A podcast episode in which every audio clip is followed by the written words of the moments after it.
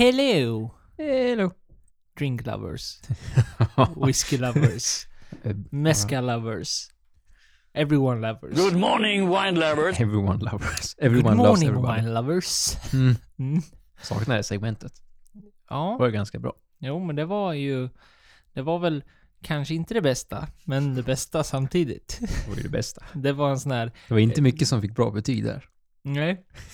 Alla, alla artikelnummer på Systembolaget som slängdes till höger och vänster då. Vad hette han? Bengt Frithiofsson. Frithiofsson, så hette han. Han var kung. Good morning, wine lovers. Undrar om, eh, lever han Jag vet inte. längre? Det blir som en sån där segmentet i Filip och Fredriks Lever den jäveln? Bengt va? Yes. Bengt, Bengt, Bengt? Bengt Frithiofsson. Frithiofsson. Mm. Nu är det bokstime. Swedish writer, det är jag inte känd för. Jo men det ska han inte göra. 84 år så, Ja, jävla wine lover. ja. Otroligt bra. Otroligt bra. Nu, alltså, nu spanar jag iväg redan i första Ja, ja, ja. minuten. Men nu dricker vi. Ja. Tänka sig. wine lover. Jag, jag längtar till det här avsnittet. Vet du varför? För att det är det enda roliga vi har att se fram emot på den här veckan. Ja, men kanske Ja. där då. Men, men för ännu mer för att vi har bestämt att idag ska vi dricka saker som vi har druckit. Vi skulle ha en wrapped. Det avslutade vi ju förra avsnittet med att säga. Mm, det var dumt. Mm. Jag var ju tvungen att planera för podden. Det blir ju väldigt mycket mer jobb. Väldigt synd om oss. Vi har ju börjat med en av årets favoriter. Mm. Eller höjdpunkter. Mm. Apropå lever den jäveln. Så Fredrik Wikingssons sommardrink. Som vi drack. Avsnitt... Det var det jag inte hittade när jag höll på att leta. 26. Det är så länge sedan. Det var ju... Mm, Ja, Sommar. innan avsnitt 30. Ja, nice. Mm. Ja, den är, den är god. Nu Ja. gjorde ju vi inte en exakt likadan, så vi tänkte vi, vi höftar lite grann. Nu när vi är så entusiastiska. Ja, men den här blev ju bättre vill jag minnas. Vi var lite väl frispråkiga med eh, bubbelvattnet senast. Mm, och då smakar det inte så mycket alkohol. Nu smakar det faktiskt lite mer gin, som du sa. Ja, lite mer ginbaserat. Och det är ju Bombay Saf... Inte Sapphire, men Bombay, Bombay- Citrus Ja. Gin i. Och Saint Germain, vilket är ju en fläderbaserad typ av drinkes... Dryckes... Grej. Ingrediens. Och så är det tonic, citron, jävla massa citron och is som toppas med lite sodavatten. Mm. Det är ju hela grejen. Det låter mycket, men det är ju väldigt, väldigt enkelt att göra. Ja, jätteenkelt. Och eh, väldigt frisk och god. Perfekt start. Mm. Man förstår att det var en bra sommardrink. Och till detta ackompanjeras den tillsammans med mezcal. Så passar väldigt bra smaksätt alltså. Den är ju väldigt mer besk, frisk, trevlig drink. Och sen mezcalen som också är väldigt tjoff. Tjoffig. Men den är, Ja. liksom, den är ju uppiggande smakmässigt. Ja, men det är den. Så att det, det är kul och det är kul att prova igenom igen för att det var ett tag sedan vi drack båda de här. Om jag minns rätt. Jag tror jag druckit någon gång utanför podden, men inte så jätteofta. Så det är kul att gå tillbaks lite och känna av och sen se om man tycker likadant eller om det öppnar upp sig, om det hänt något mer. Mm. Nej men så är det. Så att vi kommer fortsätta våran Wrapped lite senare i avsnittet. Där vi berättar lite vad vi... Favoriter kanske? Kanske inte bara favoriter. Mest... Det bästa budget kanske vi drack. Det bästa high exclusive vi drack och så vidare. Ja, vi, vi, vi kommer till det som sagt. Men du har ju gjort någonting säkert den här helgen. Gjorde du någonting? Kul. Som är värt att berätta. För mig. Nej. Inget speciellt. Jag har druckit igenom min kalender lite grann. Jag hade sparat några till helgen bara för att passa på. Annars har jag inte gjort, jag har inte gjort någonting. Jag har tagit en riktig vilohelg eftersom nu kommer det ju två storhelger på rad som man kanske vill vara lite pigg för. Så jag egentligen bara, jag gjorde lite, lite god mat och öppnade ett bordeauxvin. Det var gott. Ja, Mm, inget trevligt. speciellt. Trevligt, trevligt. Du då? Ja, jag var ju borta igen. Såklart. Ja, så nu har jag haft två helger där jag är borta och sen fortsätter det med jul och sånt där. Men jag ska inte klaga. Det har varit jättetrevligt. Riktigt trevligt. Var i Linköping, hälsade på vän. Med vänner och eh, hade det trevligt. Drack lite gott, var på backen i Linköping som jag har hört så mycket, många, mycket om. Och varenda gång jag varit i Linköping så har jag försökt, försökt dragit till backen i alltså en ölpub. Och mm, Men det har alltid varit stängt. Eller att vi har velat åka dit för tidigt eller ja, något sånt där. Men nu, nu gick det hem. Och det var väldigt trevligt ställe. Så här, eh, mindre utbud rent tappmässigt, men fokusera på att byta ut dem ganska ständigt. Så jag drack lite trevlig julöl. Sådär. Några som de hade på tapp. Trevligt ställe. Rekommenderar. Falcon Mariestads julöl. Bara Bara. Falcon julmumma. Fint. Ergardium Leviosa. Viniosa. Just det, Viniosa. Var det så det hette? Avsnittet? Nej, jag vet inte. Jag tror det. Det var bild på henne i alla fall. Ja. Be Beargardium Viniosa. Jo, men det vill jag få till det att det var. Och det är ju såklart avsn- ett tidigare avsnitt. Bra där vi... Bra avsnitt. Dobby? Dobby. Vem vet vad de är? Där eh, skådespelerskan Emma Watson och hennes bror har börjat släppt eh, gin. Som eh, nu kom upp en nyhet som är ganska passande här till slutet på året med att de ska... Eller de har fått en distributör till USA, vilket betyder att de kommer komma ut mer där och förhoppningsvis kommer sen till Sverige. Men någonting vi har ränt om mycket det här året, det har ju varit kändisdrycker, kändisar som ambassadörer och en halv eh, tankad DiCaprio eller vad, vi skrev någon gång. Mm. Och är ju typ efter varandra eller någonting. Och vi, vi pratade ju om det här när de väl pratade om att de skulle släppa en gin. För det var ju lite speciellt var det just att de skulle släppa en gin i... Trots att de äger en gård. Det är väl hennes pappa egentligen som hade ägt en gård. Mm. Med säker hjälp av hennes... Det var väl en terroir gin Ja, de precis. körde väldigt mycket på. Och kul. det var ju Chablis. ja, de hade precis. sin, sin vingård. Och skulle sätta på gin istället. Och så nu har de, ja det har ju gått bra. Bevisligen. Och det här var ju någon gång början av året. Och vi pratade ju om det här att det här var ju mer trovärdigt än att Leonardo, Leonardo DiCaprio ska vara ambassadör för något champagnehus eller vingård eller vad det var som vi inte trodde så mycket på. Nej, och hon verkar ju vara aktiv själv i varje fall. Om inte det så verkar hennes bror vara det. Så att de, de driver det tillsammans så som man förstår det.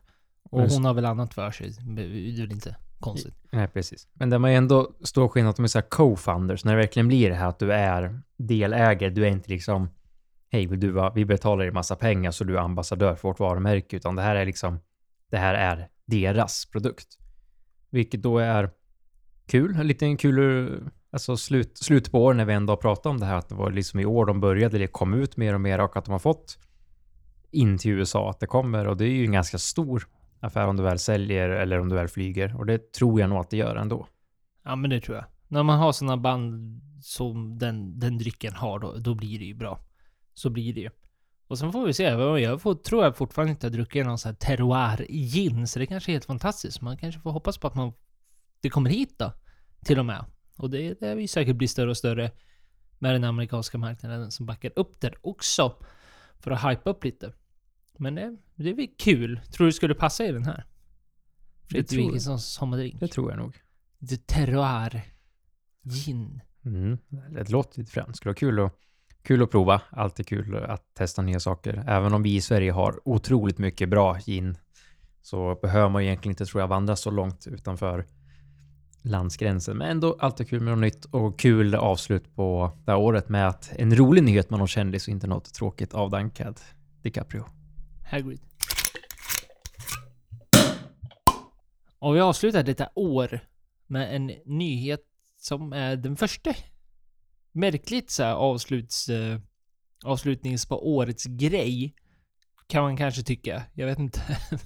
Men det är i alla fall att det ska öppna upp det absolut första bryggeriet som även får sälja öl på plats i Arabemiraten. Det kanske låter som en så här, ja men vad är det för nyhet egentligen? Men eh, det var ju fotbolls-VM va? Fotbollsintresserad, inte så jättemycket, nej.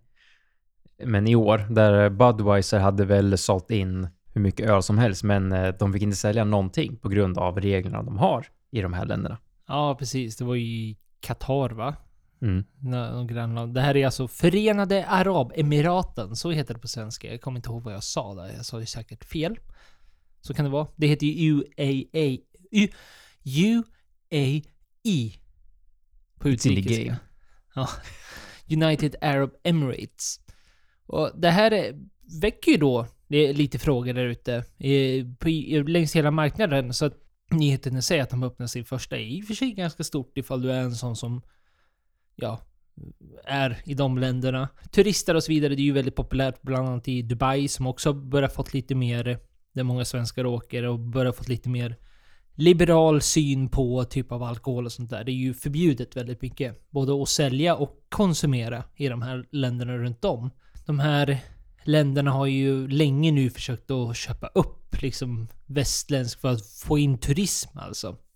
Men det här är ju också en till del i det. Man försöker köpa upp fotbollslag och man försöker hitta på mer västerländska turistattraktioner för att locka in, ännu fler och komma ut i den västerländska marknaden. Så att det här är ju ett stort steg ändå. För att det är det första och de har som sagt full tillåtelse att sälja öl där också. Men det handlar väl mer om ifall det här kommer fortsätta. Om man tänker att de ska lägga... För det är ju, det är ju oändligt med pengar ju. det, det tar ju inte slut i deras fickor. De kan ju spendera hur mycket som helst. Och då kan man ju bara börja resonera hur det skulle bli ifall de skulle börja investera i whiskydestillerier, vingårdar och köpa upp de här crème de la crème-märkena där ute. Alltså det skulle ju bli en helt annorlunda marknad om man säger så. Man har ju sett, och som vi har pratat om med premiumization och hur, hur kursen har gått, att det har sålts mer av eh, premiumsaker, speciellt eh, dyra flaskor vin och även premium inom tequila, mezcal och champagne och viner. Om de helt plötsligt öppnas upp för att eh, de här länderna också kan köpa där de säger det finns fickor som är bottenlösa så kan det bli en stor skiftning på hur marknaden kommer se ut, tror jag. Ja men verkligen. Och det, det kommer ju kanske bli något bra, det kanske kommer bli något negativt. Det vet vi inte förrän det väl händer. Och vi vet ju, ska sägas också, att vi vet ju inte idag om det kommer hända. Utan det här är ju bara den första initiella öppningen över att det skulle kunna hända. Just för att alkohol överlag har ju inte varit, som sagt, bara för några år sedan var det helt otänkbart att det ens skulle kunna, kunna ske någonstans i de här länderna såsom Förenade Arabemiraten eller Qatar eller Dubai och, och så vidare. Men det öppnar upp mer och mer just för den typen av eh, marknad och turism de är ute efter. Rent globalt så. Så öppnar det ju upp för en konkurrens där ute som, ja men kanske de här, i och för sig nu består ju mycket av giganter så som Pernod Ricard och vi pratar mycket om Diageo och sådär. Det skulle väl också bli en, en, en till gigant. Men å andra sidan, någon utan någon typ av större dryckeskultur, i alla fall i modern tid, som skulle gå in och köpa upp de här stora lyxmärkena och de här stora. Det är ju frågan om, skulle det bli bra? Eller skulle det bli dåligt? Det vet vi inte, men det kan bli en spännande framtid vi har framför oss. Då har vi nyhetsrappens nyhetsrap, är det så? Ja, men det skulle jag säga. Ja men det är det. I alla fall för den här podden. Och där, i WSR, Drink Marcus Analysis, som slutar upp och gör lite av en eh, sammanfattning över det gångna året 2023 och hur det har varit. Och det har ju ändå varit ganska mycket upp och ner. Vi har ju konstant rapporterat hur det har legat till och så vidare. Så vi, vi ska inte vara jätte, jätte... Utan det här blir bara en recap hur det ser ut. Och för dig då, som kanske minns, så var det ju där i början av året, där premonization var på topp. Och det har ju hållit sig ganska på toppen då. Sjönk lite där egentligen över sommaren och sen upp igen. Det, det känns ju som att det är väldigt styrt för säsong om man tänker på, precis som vi rapporterade förra avsnittet som vi även kommer att rapportera nu, är ju att priser nu verkar sjunka på premiumsaker, alltså auktionerna går sämre. Kollar man på till exempel champagne, du, de här senaste auktionerna som varit, så har ju de dyra flaskorna har sålt, men all andra mer standard har sjunkit och inte sålt lika bra. Vilket då tyder på att folk fortsätter handla premium, men de slutar handla det inom situ- situationstecken, vad säger man, vanliga produkterna. Och så var det ju i somras också. Känns som att liksom när folk gör andra saker, då slutar de, då dör marknaden ut lite grann. Sen kommer den tillbaks när folk går tillbaks till vardagen, eller vad man ska säga. Mm. Men den verkar vara lite geografisk ändå. Vi har inte sett lika hård typ av så här uppstuds av premonization som man har sett i typ Indien, Kina, Taiwan. Där fortsätter de att köra. Och eh, i Latinamerika så har det tokdött. Medan här i Europa så, precis som du säger, så liksom det, det har dykit. Men sen har vi inte sett någon lika stor höjd igen. Sen på senare, vad ska vi säga, kvartalet kanske. Men det har gått upp lite, men inte lika mycket. Man bedömer det ändå som att det är, har nått sin peak ändå, premonization. Det verkar inte som att det studsar tillbaks lika hårt som man kanske trodde där i början. Man kan ju nästan hoppas på det med tanke på hur, eh, hur mycket pengarna stiger. Så vi har ju pratat om det och många vet väl om det. Att det är dyrare överallt. Och det är hårt för många bryggerier, destillerier och vingårdar. Men som gör liksom att om allting bara kan gå tillbaks lite grann så kanske det stabiliseras sig lite. Än om folk vet att ja, men den här flaskan kan vi ta det här priset för, för folk betalar det här på andrahandsmarknaden. Så helt plötsligt har ju de här andrahandspriserna har ju blivit ordinariepriserna vilket gör att då köper vi mindre av det och det, på ett sätt är det ju bra. Men på ett sätt blir det också att jaha, men då höjer de här priserna, då höjer vi också priserna. Sen blir det den här spiralen som går åt helt fel håll. Och eh, det är ju tråkigt att se. Och eh, det är ju inte roligt för oss som entusiaster som kanske vill prova och de flaskorna vi har kunnat köpt kontinuerligt hela tiden går inte att köpa längre heller för att eh, alla köper dem. Så om ni kommer ihåg så pratar vi även om whisky och öl. Och att det var första gången som whisky faktiskt slog öl i den amerikanska marknaden på alltså sålda kvantiteter räknat till pengar. Alltså rent värdesmässigt, inte volymmässigt. Utan värdesmässigt så slog whisky öl för första gången. Och vi, det är en trend som liksom var mest tydligt i USA då. Mycket på grund av tequila, som vi har pratat om. Som liksom verkligen dunderslagit igång där borta. Och det fortsätter ju. Det är ju en trend som liksom har varit uppåt sen vårat... Var det andra avsnittet vi pratade om tequila? Och sen resten av året så har det bara fortsatt och bara tog ökat där borta.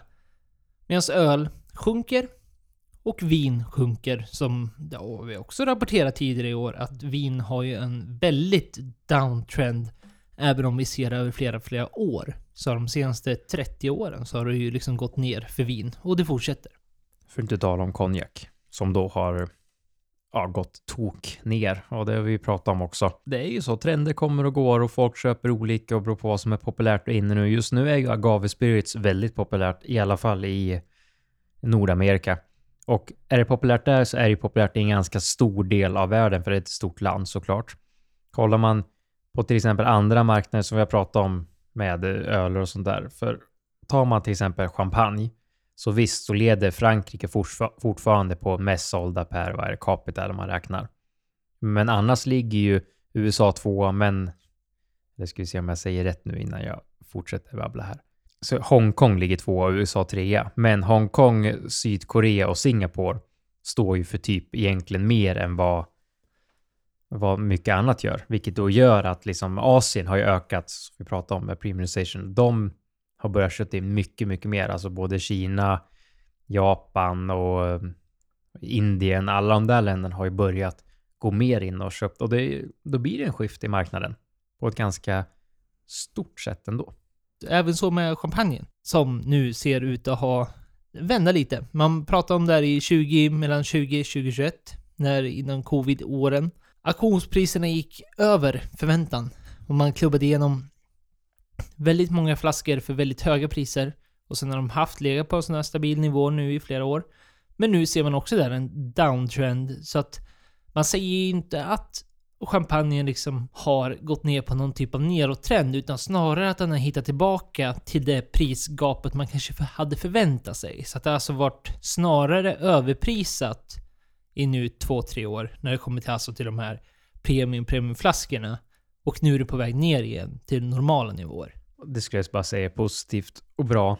Alltså, eh, det ska alltid gå bra för de här husen och bryggerierna, destillerierna. För vi vill inte att det ska gå dåligt, men samtidigt vill man ju inte heller att det ska bli omöjligt. Eller du måste betala premiumpriser för att få en vanlig standard. Och det är dit man vill komma tillbaks till. En sak som är också viktigt att tänka på är ju större Asienmarknaden blir, ju mer kommer ju de här gårdarna och destillerierna anpassa sig efter dem, vilket också kan vara negativt för en entusiast som kanske vill ha lite mer transparent. I alla fall inom whiskyvärlden där det är flera destillerier som då har till exempel börjat kylfiltrera för att i Asien så vill folk inte att det blir grumligt.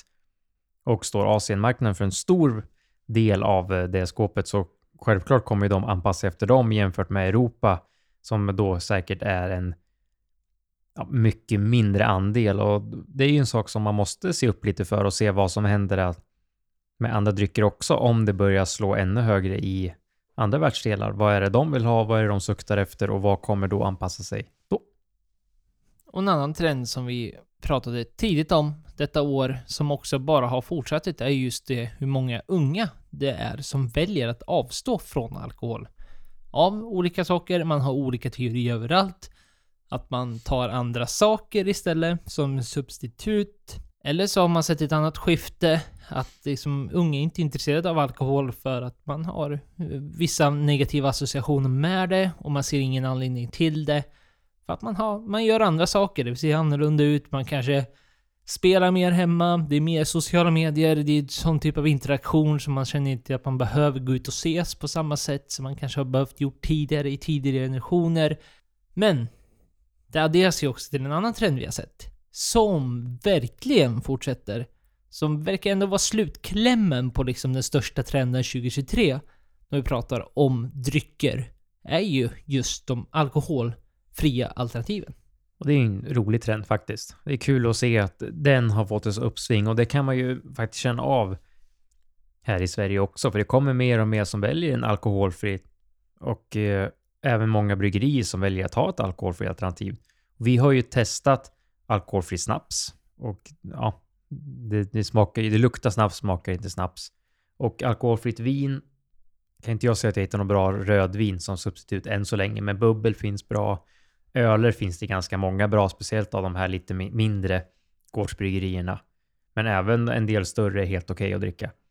Vilket då gör ju att du har möjligheten att fortfarande vara med utan att behöva dricka alkohol. För att det är ju tyvärr så att när många dricker så kan det vara lite väl mycket grupptryck. Och är du med och tar en öl kan du känna som att du är med i gänget fast det inte är någon alkohol i den och eh, det är ändå trevligt att kunna ta en öl på en varm sommar och även om du vet ska köra bil och så ska du ta en alkoholfri och sitta i solen och eh, bara njuta och inte känna att du måste dricka en kol eller en vatten. Men visst, och jag tror att, eller tycker, känner att den här trenden har ju verkligen banat vägen för att det är många producenter där ute som verkligen bryr sig om att ta fram en produkt som ska vara bra, alkoholfri. Det vill säga att det kändes som att det bara var några år sedan som att det var ett... Man tänkte inte igenom en produkt som utan alkohol, utan det var snarare man gjorde en produkt och så gör vi den här alkoholfri också. Och så får vi se vad som händer med det. Och sen fick det smaka så som det smakar. Det var väl egentligen bara cidern som slog igenom riktigt mycket på det sättet att det liksom var någonting som man drack normalt sett alkoholfritt också. Medans nu känns det som att man ser lite annorlunda. Att man ser den här perspektivet på att okej, okay, nu ska vi göra en produkt som är riktigt bra, även alkoholfri. Eller till och med endast alkoholfri. Ja, det kan jag hålla med om. Cider har ju alltid funnits med 0,5 eller 0,0 som ändå har smakat typ som man dricker en vanlig cider på 4,5 eller 5 vad de brukar vara på. Men alltså, förr när, för några år sedan, då var det typ, du kunde köpa var det Spendrups och Gränges typ 0,5 och Alltså det smakar ju blaskigt, det var ju inte gott. Medan nu så tycker jag att det kommer mer, som du säger, mer och mer alternativ. Du ser mer på hyllorna i vanliga matvarubutikerna. Och det, det är aldrig fel att ha några sådana hemma, just för att möjligheten, kommer någon som eh, ska vara med men som kör så kan de ändå få en öl till maten eller som, bara för socialt om man vill ha det. Det är absolut fortfarande inget krav att du ska dricka det. Men som en entusiast, när man själv har varit den som har kört, så tycker jag det är trevligt i alla fall att ha en alkoholfri öl. Ja men visst, ska man följa Edvard Blom så är det ju hård vettetikett på det där. Att även den som kör eller man väljer, det kan vara att man... Eh, ja, vilken anledning det kan vara att man inte vill dricka förtära alkohol så ska det finnas ett schysst alternativ bredvid. Och det är kul att det, det segmentet ökar. Och sen får vi väl se vad det här banar ut till. För att det här har ju då ökat lite annan våg med bryggerier där ute organisationer som eh, talar för att man vill öka lite gränsen på vad alkoholfritt är. Och man vill öka den lite just för att det ska bli lättare att försöka ta fram en bra produkt.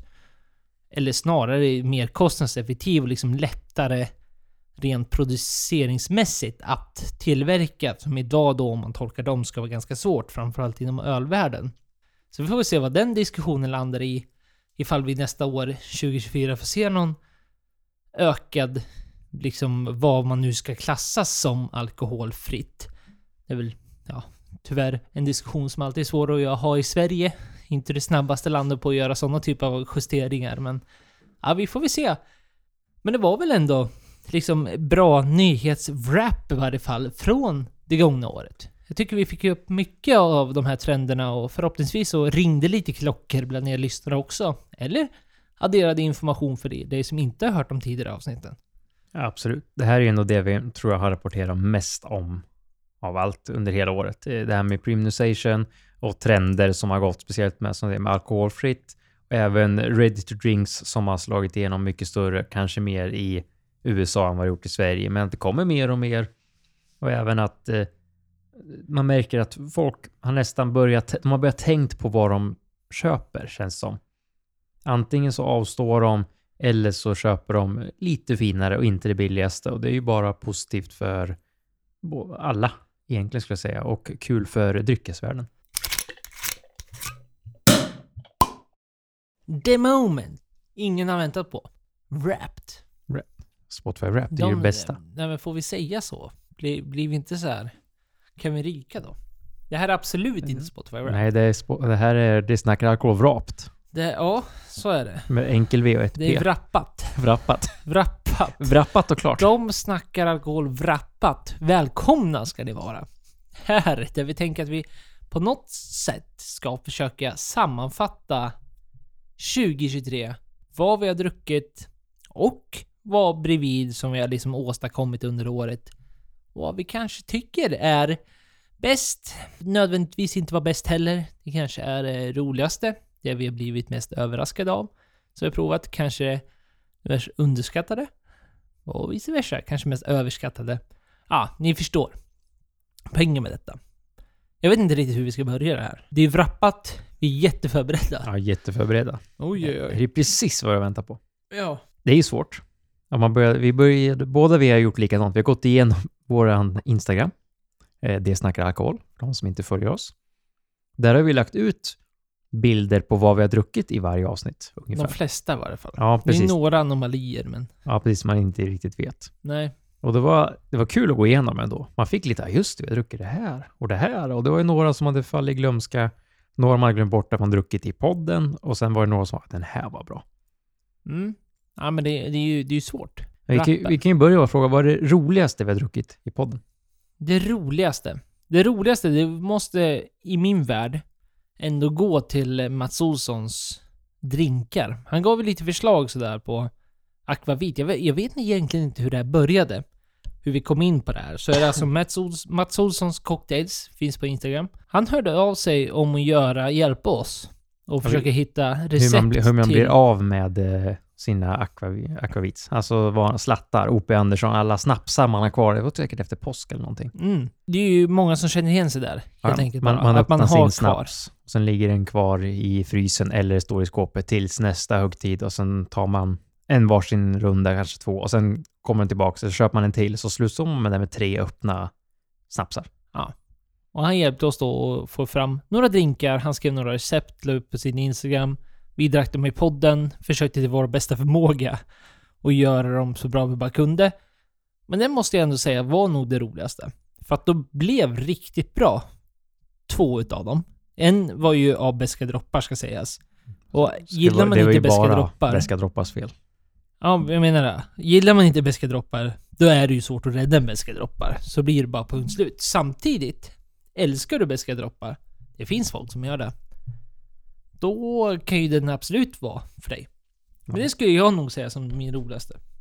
Där är vi beredda att hålla med. För när vi diskuterade här, när vi skulle köra den här wrapped, vi skulle dricka några flaskor vi har druckit nu under året som vi har kvar och vi testade den här Fredrik Wikssons drink. Då kom vi på i det här avsnittet att vi drack ju den här goda drinken på Hallandsfläder. Den snapsen som då fick av Mats Olsson, den var ju fantastiskt god. Som, som en sommardrink. Smakade ju egentligen typ i, ja, som det har varit där. Det smakar inte så mycket alkohol, så den är perfekt och bara glider i som man kan säga. Så det måste jag hålla med om. Det var, det var ett roligt segment och kul av, om man ska säga som i, i matvärlden, man, det blir ingen svinn eller matrester, restprodukter, utan man, man återanvänder allting och kan fortsätta använda en flaska utan att behöva veta att den ska stå där tills nästa högtid som kommer. Avsnitt 24 är det. Där dricker vi Mats Olssons cocktails. Det var länge sedan alltså. Ja, tiden går fort. Och går man in på hans Instagram så ser ni ju hur bilderna och hur drinkarna ska se ut. Går ni in på våran så ser ni hur två noobs gör drinkar. Ja, men det kan också vara kul, Viktor. Full båda. Ja. Ja, men det var nog det roligaste. Har du något mest överraskande då? Om vi fortsätter på detta tema, alltså saker vi har druckit i podden, mest överraskande. Eller har du druckit någonting utanför podden så får du välja det också, tänker jag. Men det måste ju vara någonting ur podden också. Som du blev så här riktigt att... Ja, det kan vara så här att man köpte den, eller att vi drack den och som var det bättre än vad man trodde, eller tvärtom, tänker jag. För man kan ju bli överraskad på ett negativt sätt. Att man tänkte att oj vad gott det här kommer bli, och så nej. Jag tycker den är svår. Nu minns ju inte jag första gången vi drack mezcal. Om det var i år. Jag... Jo, det var i år. För det var ju när vi var hos vår kom... gemensamma kompis ja, podden innan. startar ju nu i år. Ja, men vi drack ju mezcal hos vår kompis innan vi skulle åka på vår Europaturné. Han hade ju en mezcal det, var då, det tror jag var nog mest överraskande. När vi druckit i podden med, att det liksom är en sån distinkt smak. Som blev, den var nog mest överraskande, för annars tror inte jag har druckit någonting som är så här blown away på så här, oj vad, det här smakar annorlunda än och så. Då har det varit, tror jag egentligen någon av drinkarna som har smakat så lite alkohol, fast det är så mycket alkohol i dem. Det har varit en annan grej. Men jag tror nog mezcal. Och då tror, vet inte jag vad man kan säga, när vi drack den tidigare i sommar eller nu på senare år när vi köpte våran flaska. Ja. Ja, vad tycker du då? Mest överraskande? Eh, Jag måste nog säga kriken. Den var bra. Vi hade ju i avsnitt 23, ja alltså avsnitt innan Mats Olsson, så gick vi igenom alla de ölerna vi köpte i Belgien. Vi var i Belgien den här sommaren ifall du har missat det också. Så det är lite recap av den här resan överlag och då sitter vi och då dricker två stycken Terdolen och De Wilderen. Och då drack vi en blond Terdolen och vi drack en trippel Wilderen och vi drack en krik Terdolen. Och jag måste ändå säga att det mest överraskande var nog den där kriken. Nu var inte det första gången man drack den i podden, så vi drack den ju Eh, innan. Men den dracks även i podden och jag måste säga att jag blev riktigt förvånad över den för att jag, jag har alltid hållit mig ifrån lite av den här körsbärsölen. Men den där kriken var riktigt, riktigt bra. Och den banade vägen för mig att inse att jag, oh, men jag tror jag har missat någonting här. Och sen dess har jag druckit mer krik. Eller mer körsbärsinfluerad eller körsbärsjuice-influerad typer av öl. Som jag tycker har öppnat upp en ny segment för mig i, inom ölvärlden som jag blev riktigt överraskad över hur gott jag tyckte det var. Alltså krik, det var ju fantastiskt. Den håller jag med om. Den var superb. Men om vi ska gå vidare då. Vad är det mesta med du har druckit? Mesta meh. Så är en sån som, du vill egentligen nog säga överraskning åt andra hållet kan man väl säga. Ja. Någon du hade höga förväntningar på som bara, det här var ju in- inte bra. Eller så här, Ja. det här, eller, eller nej, det här smakade ingenting. Nej men jag tror jag till och med måste gå väldigt till en av ett väldigt färskt avsnitt. Och det var ju avsnitt nummer 46. Och det var ju då vi drack konjak. Konjak. Remy Martin Exon. Dyr, fancy flaska. Efter att ha druckit den här frappin, som vi redan gjort i podden, alltså en annan konjak, så hade jag väl kanske lite högre förväntningar på den. Och den blev med. Det blir som, ja men det smakar konjak. Och med det vill jag verkligen säga absolut inte dåligt.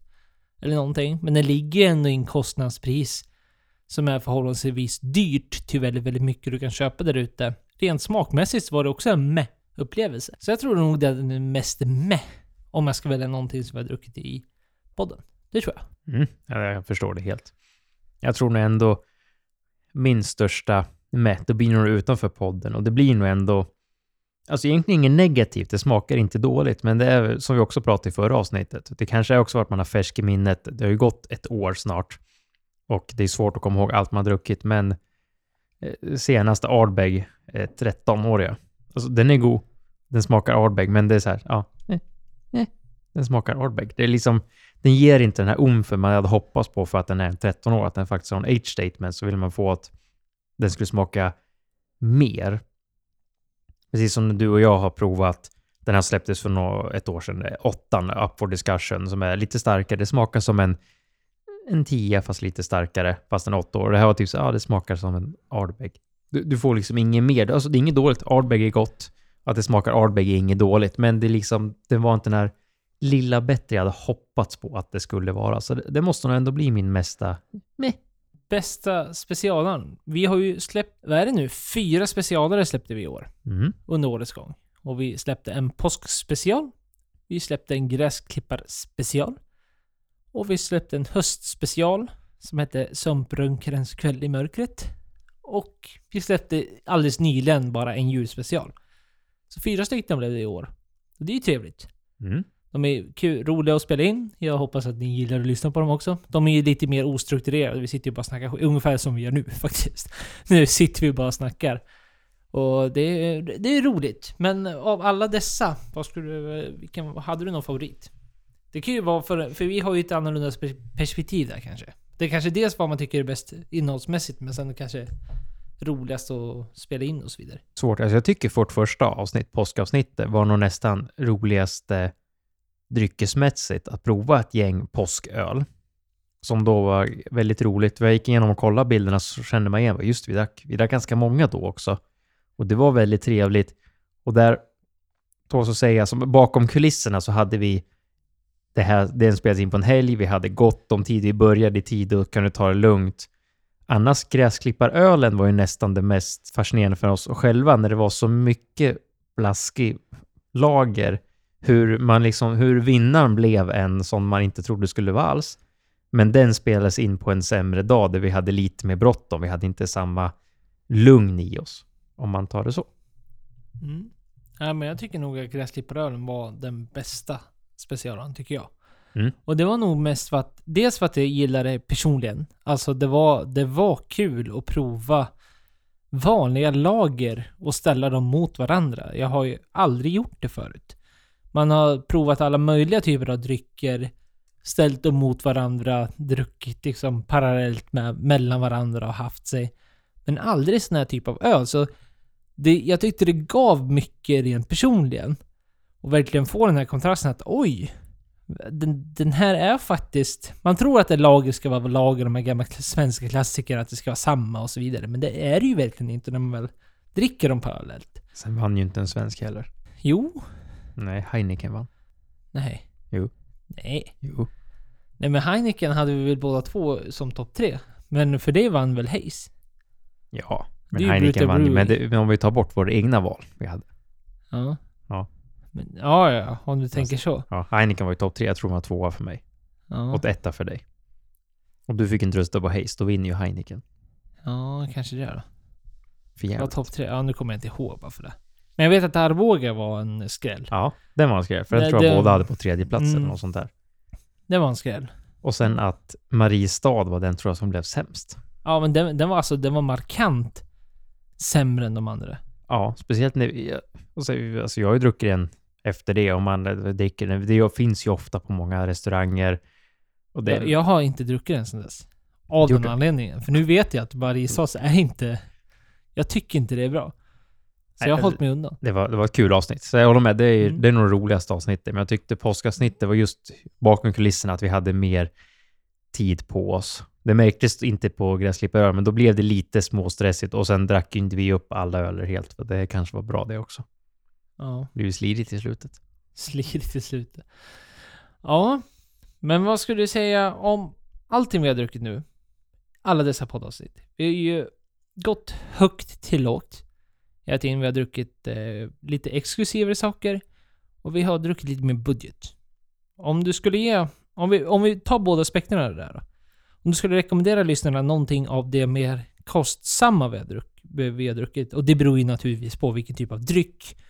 Men eh, har du någonting då du känner plus eh, och eller något av de mer exklusivare som vi har druckit. Som var liksom det här var bäst. Det bästa exklusiva jag druckit, det måste ju vara den här Bunnahaven Gordon Buckfail som vi köpt som inte går att köpa längre. Då. Men om man ska rekommendera något exklusivt, alltså gå in och köpa en independent bottler från till exempel Gordon McFail eller Cadenhead. Den kostade lite, ja, vi delar på flaska så att det blev ju inte lika dyrt, men det tror jag nog är nästan alltså absolut största rekommendationen. Hitta något bra. Nu dricker ju vi som vi inte har nämnt än, sitter vi och sippar på en As We Get It, Kaos Just det. Strength, som vi, har, köpt- vi. som vi har druckit tidigare i podden. Som vi köpte på båten när vi var på våran eh, kryssning. Och den är god, absolut, den är bra. Men Bunhaven är mycket bättre. Det är nog den jag skulle rekommendera för exklusivt och sagt, det behöver inte vara den flaskan, nu finns ju inte den att få tag på, men det här att hitta på något, är du lite whiskyintresserad, hitta på något whiskydestilleri och köp en independent bottling. Alltså lite, med lite ålder på och gärna från någon av de lite mer kändare för att få den här upplevelsen av en single cask, cask strength, liksom som verkligen ger den här extra umfen som man vill ha. Och sen får väl du säga din, får jag fundera på min budget. Ja, för mig vinner faktiskt eh, Fontana Freddan ganska hårt i exklusivt. Jag, ja. Jag, jag fastnar verkligen för den. Och de, nu pratar jag alltså relativt sett till de andra vinerna vi drack. Och då förutom champagnen, som var väl säkert dyrare. Så när vi pratar exklusiva saker så var ju det den mest exklusiva vinet vi drack. I, i sin helhet då. Ja, som sagt, bortsett från champagnen vi drack. Nej, den, den gjorde någonting med mig. Fontana Freddan. Jag tyckte det var helt fantastiskt. Så att den, den vinner nog i det exklusiva segmentet. Så jag kan absolut. Det var en Fontana Fredda Barolo. Vad är det? 2000... 18 eller 19? Ja, jag tror det var 19 va? Ja, jag tror det också. Ja, jag tror det var 19. Men den, den var helt fantastisk. Så att eh, den vinner nog den exklusiva sidan för mig. Den köpte ju återigen också på båten. Kostar ju typ 300 där. Så jag vet inte hur mycket. Då får man ju tänka på att det är alltså tax free. Så att eh, det, det är väl en flaska som är av det dyrare slaget då. Ifall man skulle försöka få tag i det på något annat sätt. Det finns ju på Systembolaget och så vidare. Inte just exakt den här som vi drack, Classico. Tror jag den hette. Mm, Classico Barolo. Men det finns ju annat. Fon- Fontana Fredda är ju en fantastisk producent när det kommer till Barolo. Så det finns ju allt att hitta. Och det finns ju även Lange di Nebbiolo.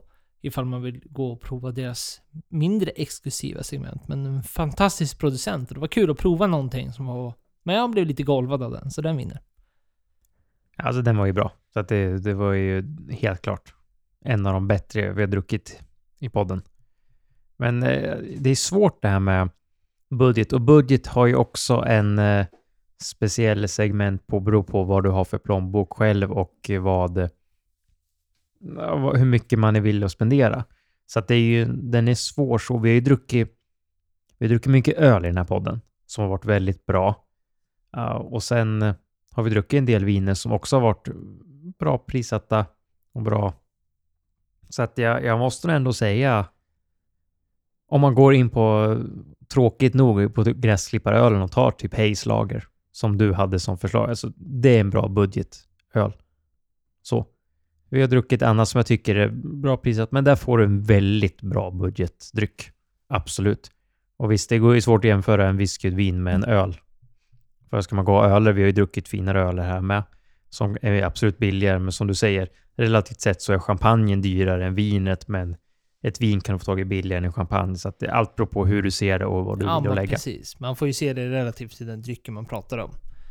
För jag håller nog med där att jag menar, när vi kommer till öl så måste det nog vara Hazen som tar det. För just den prislappen så, som den ligger på, det är ju 12 eller 13 kronor. Ja, det är en kronors skillnad, så att det är inte jätteviktigt. Nej. Nej, men det ligger ju där någonstans per burk. Vä väldigt trevlig öl. Pratar vi viner så drack vi ju, det var vi ju här om avsnittet också. Eller ja, det var inte jättelänge sedan i alla fall, när vi drack Baron de Ley Rioja-vin. Som en sån här 119 kronors flaska på Systembolaget kan man också relativt sett då, framförallt om man jämför mot den här Barolon som jag pratade om tidigare. Så det tyckte jag också var väldigt prisvärt och bra, väldigt trevligt vin. Alltså det blev jag också faktiskt förvånad över att det var så bra. Och i whiskyvärlden så har vi druckit Moin drack vi exempelvis. Den kan vara värd att nämna där. Så att det, Mm. det finns några trevliga just i det där budgetcementet också. Tycker jag absolut. Men vad är den största besvikelsen vi har druckit i podden? Något som vi trodde verkligen skulle vara bra, men som inte var bra. För nu kom jag på vilket. Vi har egentligen druckit, om man ska kolla i vår, under vår poddresa nu, det har inte gått ett år än, men det här året som vi har druckit, så har vi druckit en öl som tyvärr var död. Så det var ju en besvikelse. Och det är ju inte ölens fel, utan det var fel på den. Så har vi druckit två andra drycker som ingen av oss tyckte var bra. En var ett självklart val. Det var beska droppar. Det var ju inte bra. Men sen köpte ju vi en grappa. Den var ju inte bra. Det måste vara den största besvikelsen. Ja, men det kanske det var. som man trodde skulle vara bättre i alla fall. Mm. För det ska ju sägas att vi köpte inte den bi- absolut billigaste grappan heller. Nej, och inte den dyraste heller. Men, Nej, eh, men vi, vi, la oss ju... någonstans där mittemellan. Ja. Och det måste ju vara den största besvikelsen. Nu när jag börjar fundera på att för den, den var inte bra. Nej. Nej, men det är helt fel att hålla med om. Att det är nog den största besvikelsen. Och det, det vet ju inte, jag har inte druckit ihjäl mig i grappa. Ja, det kan ju bara vara den som inte var bra, eller så kan det helt enkelt vara så att man inte gillar grappa, eller så kan det vara den typen av grappa och så vidare. Det, det jag vill undersöka bara är att vi klankar inte ner grappa som dryck i sin helhet. För att vi har bara provat den här enstaka. Och jag har inte druckit så jättemycket annat runt om det vi har druckit här i podden heller, ska jag vara ärlig och säga. Så jag vågar inte ha någon sån här jätteutläggning om just grappa. Men eh, just den grappan vi drack då var väl, håller jag med om, var nog den största besvikelsen. Mm. Det är ju svårt. Jag har ju druckit ganska mycket runt om podden, den. Så man, eh, jag har ju ändå varit på två mässor på båten. Plus att man har varit eh, iväg några gånger och druckit lite utomlands. Vi har varit utomlands och man har varit i större städer med, mer med pubbar och barer. Plus att man eh, har varit iväg med, alltså jag har druckit ganska mycket så det var ju svårt där man ska börja fundera på liksom över året. Det är ju helt Har du omöjligt. druckit så mycket grappa menar du? Jag har ändå druckit, tror jag, i alla fall en grappa till. Jag drack en grappa di Barolo, åttaårig på... I alla fall en grappa till. Och Fick den det var- att låta som att du har druckit så här 20 Mm, olika ja, grappor under året. I alla fall en till. ja. Men den var, kommer jag ihåg var mycket bättre. Men Ja. det var ju också en Barolo-grappa som eh, var lagrad. Hade liksom, var i tunna också. Så att på så sätt så gav ju den en mycket mer smak än vi drack. Mm. Men om man ska köra en snabb recap. Vi lovade ju lyssnarna att få en topp tre bästa vi har druckit i podden. Vilken är på plats nummer tre hos dig? Plats nummer tre. Det här är ju jättesvårt för att eh, jag inte riktigt så här, gjort en rak topp tre i mitt huvud riktigt. Men om jag nu ska höfta, för jag har ändå skrivit upp de jag tyckte att ah, men det här var nog det, det trevligaste jag har druckit här. Gröpa. I, och det ska ju vara inom, inom sina egna, liksom så här, vad, man tycker och så vidare. Och något som sticker ut. Men jag tror nog tredje plats får nog bli avsnitt 10. Så drack vi Juvencomps Reserva de la Familia 2018. Det var alltså en kava som eh, jag åkte till en liten kommun och köpte två flaskor. Så drack vi en av dem. Och den kommer till topp tre just för att det var en som passade mig. Mycket syrlighet, mycket fruktighet. Kostade 199 kronor. Jag tyckte det var väldigt, väldigt prisvärt. Ändå en Gran Reserva Cava så att den alltså blivit lagad minst i fyra år. Och ja, jag tyckte den var... Ja, jag tyckte den var trevlig helt enkelt. Köpt på mig mer sen dess. Också tagit slut. så det säger väl också mycket om just den drycken. Men det var någonting som passade mig. Och eh, ska vi nu se över hela året så, så sticker den ändå ut i, i mina ögon. Så ja, får nog ta den. Ja, den var bra. Den eh, minns jag också. Den var väldigt god och just kul att åka till en mindre kommun och köpte den. Ja visst. Och, och nu ska jag också vara noga med att understryka att jag tar ju priset med i, i, i, min, i min tanke nu också. För det är ju lätt att säga liksom det absolut bästa, så här, det, goda, alltså det godaste vi har druckit. Jag menar, det känns som, det, det, det gör man ju. Då, då hamnar ju inte den på topp tre. Men med priset inräknat och allt sånt vidare så gör den det. Ja, men det pris skiter man i. Nu har vi druckit massa gott i podden. Det är det enda som spelar roll. På tredje plats skulle jag säga att det var ju Fullers provningen vi hade, också i tio avsnitt. Nu har inte jag kollat upp vilket avsnitt det var, men vi provade tre olika Fullers. En från 2015, om jag minns rätt. Och så var det typ 2020 och 2022. Ja, vi drack 2017 är jag 17. väldigt säker på att vi gjorde. Det var ju i alla fall jätteroligt eftersom vi har bekanta som också är lite tokiga som vi är och köper en massa flaskor och lägger undan. Så kunde vi få chansen att prova en äldre årgång och sen prova dem senast och vi har ju precis druckit Fullers 2023 och sagt vad vi tycker om den och att 2022 var så mycket bättre och den har vi ju som sagt redan druckit i podden. Men fantastiskt rolig provning vi hade då och fantastiskt god öl. Det tåls att säga återigen. Så det, det är på min tredje plats i alla fall. Men då vill du ha några andra platser alltså? Jajamän. Ja, kul. Vad ska jag ta då? Undrar jag om jag inte ska gå, bli, gå så wild and crazy och köra det som jag har druckit idag. Fredrik Wikessons eh, sommarrigg. Jag tror ni kan hamna där. Dels för att ett, jag är inte normalt en drinkdrickare. Den här är lätt, den var fräsch, den var god, den passar jättebra in till sommaren. Enkel att göra. Kostnadsmässigt så ganska bra. Lätt att ha ingredienserna hemma.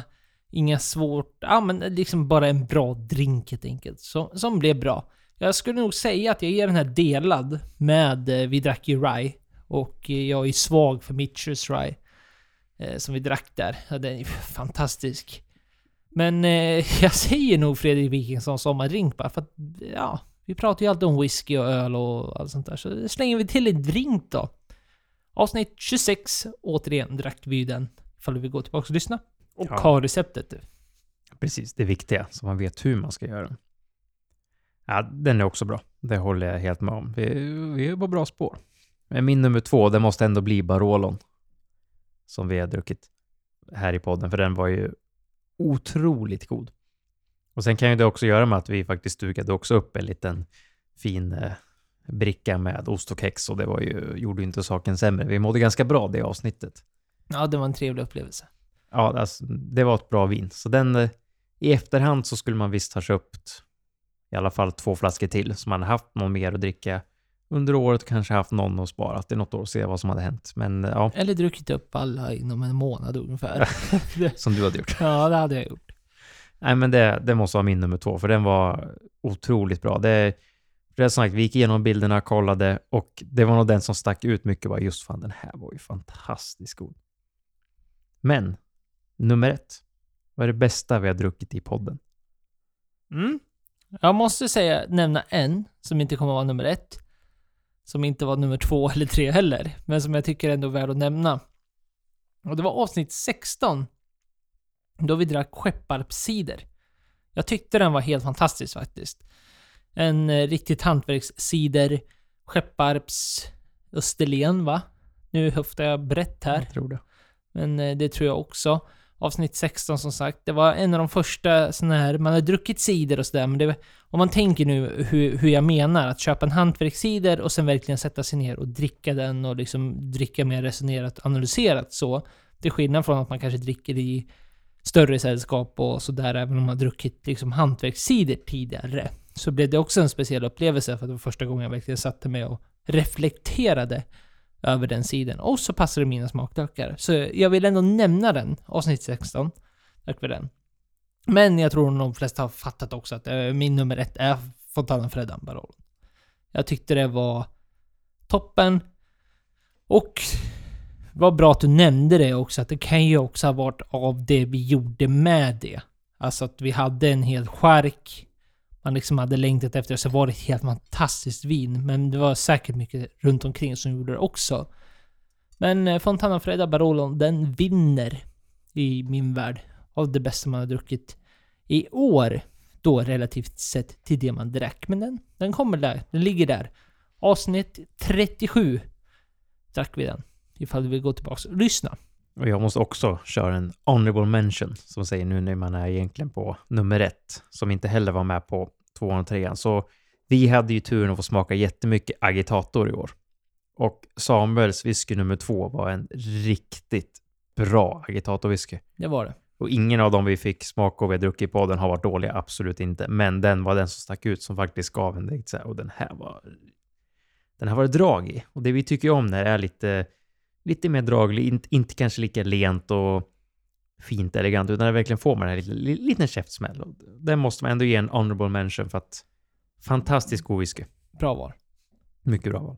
Men den som är min nummer ett blir ändå Bunna Haven, Gordon MacPhail, för den var otroligt god.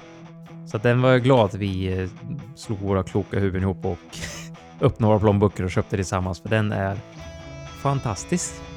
Ja, den är god.